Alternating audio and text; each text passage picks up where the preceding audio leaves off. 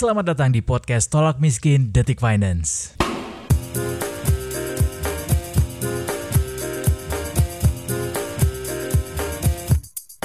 Selamat datang kembali di podcast Tolak Miskin Detikers. Masih bersama gue Eduardo Simorangkir di episode kedua ngomongin soal uh, investasi. Kita kali ini akan ngobrol soal dunia cryptocurrency.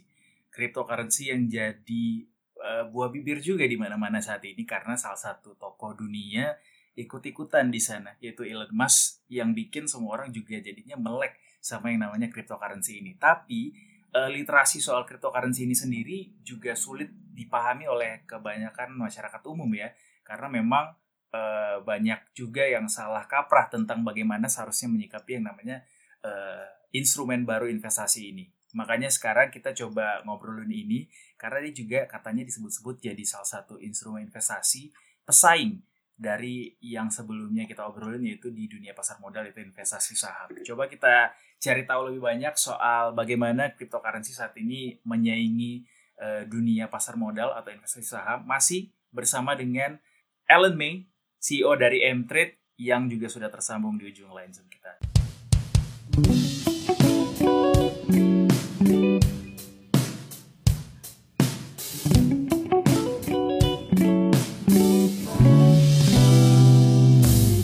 Selamat sore Mbak Ellen.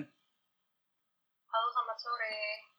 Mbak Ellen, tadi seperti yang saya sudah ngobrolin di awal, kita akan ngomong soal cryptocurrency Mbak Ellen. Yes. Kalau ngomong Yes, soal yes. cryptocurrency, yang paling pertama itu di ada di benaknya Mbak Ellen apa sih Mbak?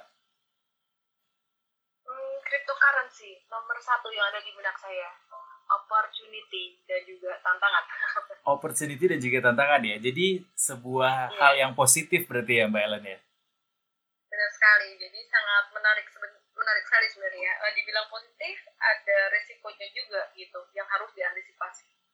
Ya, betul sekali. Semua yang namanya investasi tentu ada risiko ya, Mbak ya, eh, yang harus Betul. diantisipasi. Nah, eh, supaya lebih paham nih Mbak Ellen, kita pengen tahu sih penjelasan dari Mbak Ellen juga yang juga selaku pengamat eh, cryptocurrency yang mengamati, yang ikuti perkem- perkembangannya. Sebenarnya apa sih yang harus orang tahu kalau dia eh, pengen kenalan sama yang namanya cryptocurrency ini, Mbak Ellen? Eh, sebenarnya yang perlu dipahami sebelum masuk ke cryptocurrency adalah ini sama ya seperti investasi saham dan juga forex ya seperti trading forex nomor satu banget adalah aset alokasi atau money management kemudian yang kedua analisis teknikal itu dulu kenapa saya nggak balik untuk technical analisis dulu eh, baru kemudian aset alokasi karena yang terpenting sebenarnya adalah untuk memanage risiko dari aset alokasi ini. Maksudnya gimana? Berapa banyak uang yang kita mau gunakan untuk trading atau investasi di kripto ini, ini harus ditentukan dari awal supaya kita tidak uh, subjektif. Sebelum kita membeli sesuatu, itu benar-benar emosi kita masih netral. Hmm. Tapi ketika udah beli dan ada posisi untung atau ada posisi rugi, itu jadi nggak netral gitu. Jadi ada ada kecenderungan untuk uh, untung akan masuk lebih banyak, nambah terus. Hmm. Kalau rugi bakalan ketakutan, bisa panic selling. Ya jadi tentukan di awal uh, dengan kepala dingin. Uang ini uang dingin dan benar-benar uh, senyamannya, sesiapnya dengan mental. Jadi jangan juga terpengaruh dengan teman-teman yang lain. Usahakan jangan terlalu banyak kumpul atau bergabung dengan grup-grup discussion karena eh, di situ sangat bahaya sekali mempengaruhi emosi pengambilan keputusan menjadi eh, tidak objektif gitu. Itu yang pertama. Kemudian masih bicara tentang aset alokasi atau money management. Di awal harus didesain dulu. Misalkan mau masuk uang berapa di kripto, terserah sesukanya, sesiapnya mental, itu dibagi. Oh, saya maunya 5 koin. Nah, ini sama juga di saham juga begitu. Dari 5 koin ini berarti maksimal masing-masing 20% dari modal. Nah, ketika membeli, eh, jangan langsung 20% tuh diceburin semua untuk satu koin. Ya. Tapi bisa start dari 5% dulu. Nah, selebihnya uang itu selebihnya nanti bisa buat cadangan kalau misalkan mau nambah beli lagi. Karena di cryptocurrency, cryptocurrency itu menurut saya volatility-nya jauh lebih tinggi, naik turunnya tuh jauh lebih cepat daripada di saham. Lebih cepat untung dan lebih cepat rugi juga. Jadi dengan modal kecil bisa untung besar. Hmm. Pastinya banyak orang yang mikir, kenapa nggak aku masukin modal lebih besar? Tapi jangan lupa, bisa lebih cepat rugi juga gitu. Jadi uh, harus sabar. Nah sekarang poin yang kedua setelah aset alokasi, uh, poin yang kedua adalah analisis teknikal setidaknya bisa membaca tren dan juga trading by MA gitu hmm. aja. Uh, di exchange exchange besar itu ada MA default uh, 725 dan 99 nah itu bisa digunakan by on weakness atau by on support. Bisa menggunakan time frame H4 atau 4 jaman atau uh, satu hari day one. Nah mana yang lebih bagus? Uh, bagus itu relatif. Kalau misalkan ditanya bagus secara risiko lebih rendah pastinya yang day one akan risiko lebih rendah karena hmm. supportnya akan lebih rendah juga Nah, tapi kalau yang H4 itu uh, akan lebih cepat ya, jadi kena resisten profit taking juga lebih cepat. Uh, mungkin bisa bisa dikombin aja gitu. Jadi kalau udah uh, kalau mau pakai support H4 uh, mesti dicek juga di daily ini sebenarnya udah mendekati support juga atau enggak. Mungkin kalau di H4 udah kena support, di daily belum kena support tapi udah dekat-dekat boleh. Tapi kalau di H4 udah kena support tapi di daily-nya masih di resisten, nah itu jangan hmm. gitu. Uh, karena itu sangat penting sekali. Dan ketika beli di support itu uh, meskipun secara feeling kelihatannya wah ini udah support banget nih MA25 daily kena uh, saran saya jangan habisin nominalnya jangan habisin duitnya.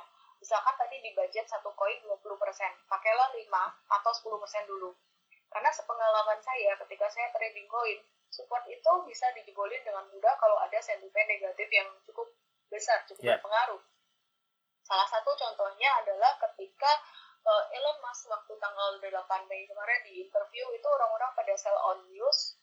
Nah, uh, tanggal kalau di Indonesia tanggal 9 waktu itu dan itu jebolnya banyak banget. Kemudian hmm. yang kedua baru sekitar tanggal ya apa ya 19 atau 18 Mei. Uh, iya 19 Mei. 19 Mei itu kripto uh, tuh anjloknya luar biasa dan cepat banget dalam beberapa menit aja. Nah, waktu itu sentimennya karena dari China ada melarang penggunaan crypto, cryptocurrency untuk mm -hmm. uh, pembayaran tapi mereka sebenarnya tidak melarang untuk trading kripto. Nah, ketika uh, diumumkan itu orang-orang di Amerika masih masih tidur. Tapi kemudian ketika ketika di Amerika itu mereka tradersnya bangun, ya terjadi mereka langsung sell.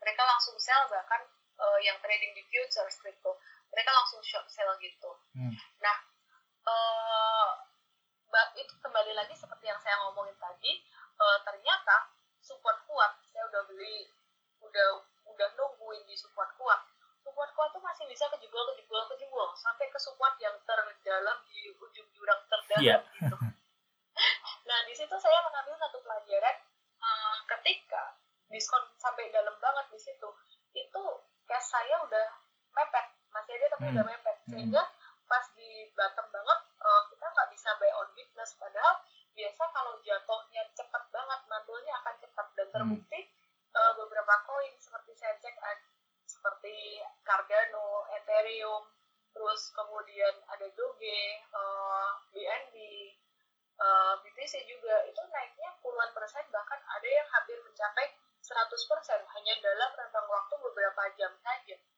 Ya jadi besoknya 20 Mei uh, di hari itu banyak yang udah naiknya gila-gilaan sampai naik 100% mm-hmm. nah maka dari itu sebenarnya kuncinya adalah uh, kalau mau trading crypto sebenarnya saham juga sama forex juga sama intinya adalah sabar tapi karena crypto ini dia lebih high reward lebih high risk kita harus lebih ekstra sabar lagi intinya adalah duit jangan sampai habis itu aja pengalaman saya Oke, jangan sampai habis dan jangan sampai pakai uang panas ya Mbak ya. Iya. Oke. Uh, eh, apa namanya tadi Mbak Ellen kan sempat bilang bahwa uh, kripto ini adalah peluang, adalah kesempatan gitu. Uh, kalau dibandingkan dengan pasar saham, uh, beda pendekatannya apa sih Mbak? Maksudnya ketika kita melakukan pendekatan seperti A misalnya di pasar saham, apakah kita bisa sama lakukan di uh, pasar kripto? Iya, jadi sebenarnya sangat mirip sekali sih yang membedakan cuma analisis fundamentalnya aja. Hmm. Kalau analisis fundamental di saham itu kita kan jelas ya melihat kinerja perusahaan dan juga prospek sektor atau industri dari perusahaan tersebut. Sedangkan kalau kripto ini, uh, jujur kata saya masih belum terlalu banyak untuk mendalami fundamental dari kripto. Yang jelas cukup menarik karena terkait dengan teknologi juga. Hmm. dan uh, banyak orang yang menganggap ini scam atau apa. Saya sih mencoba untuk open minded dan uh, hmm. terus belajar ya gitu. Jadi uh, ini sangat menarik sekali. Ada kaitannya dengan teknologi dan ada banyak story di dalamnya gitu.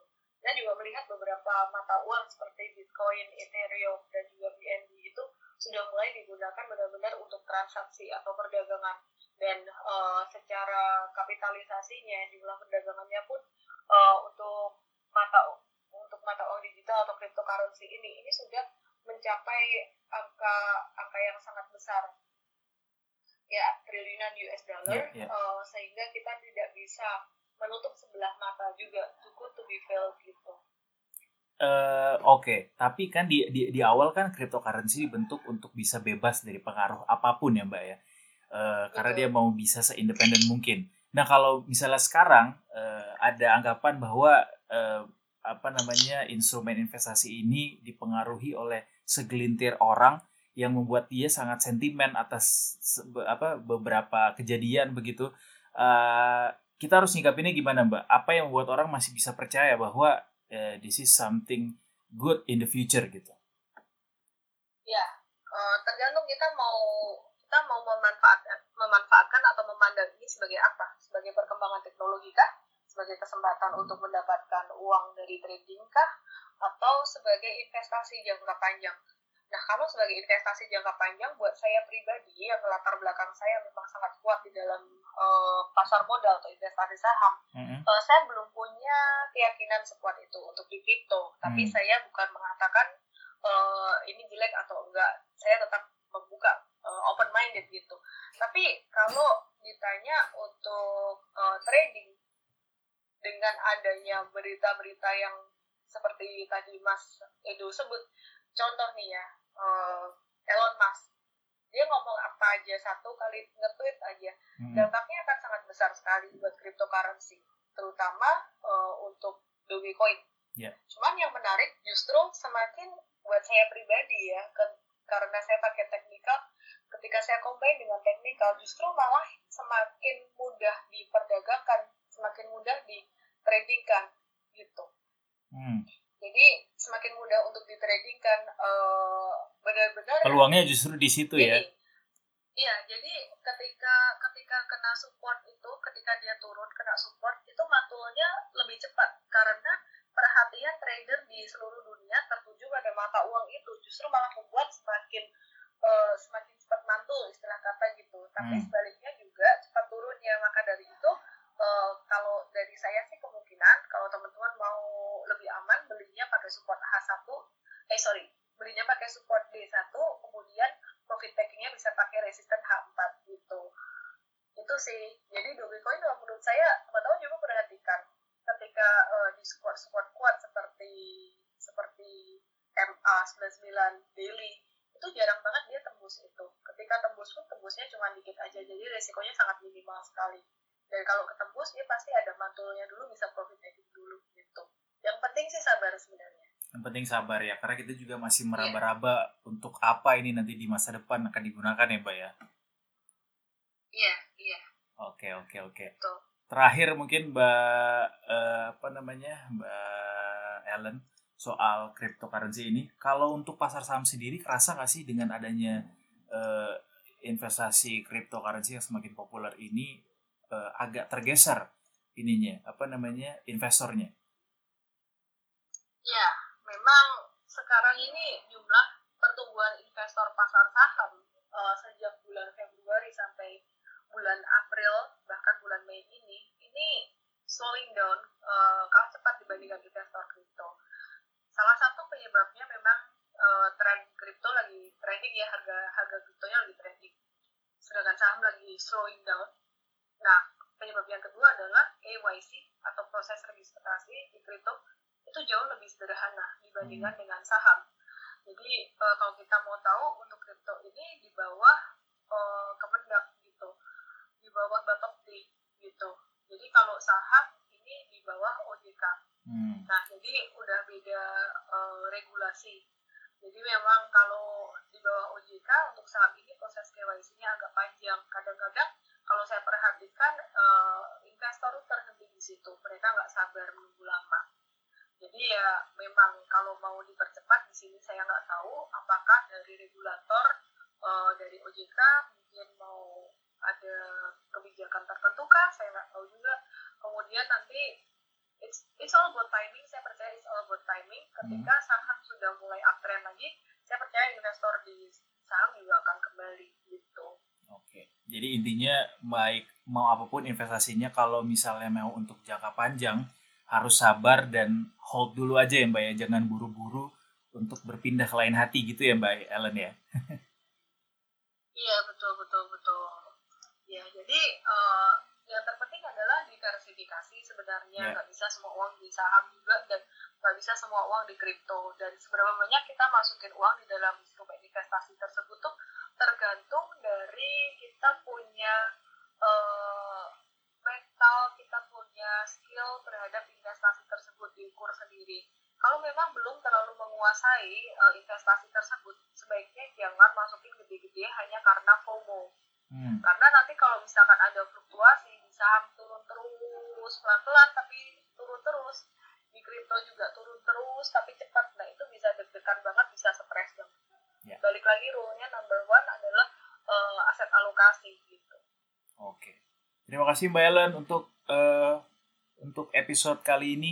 Kita berjumpa lagi minggu depan dengan tema selanjutnya.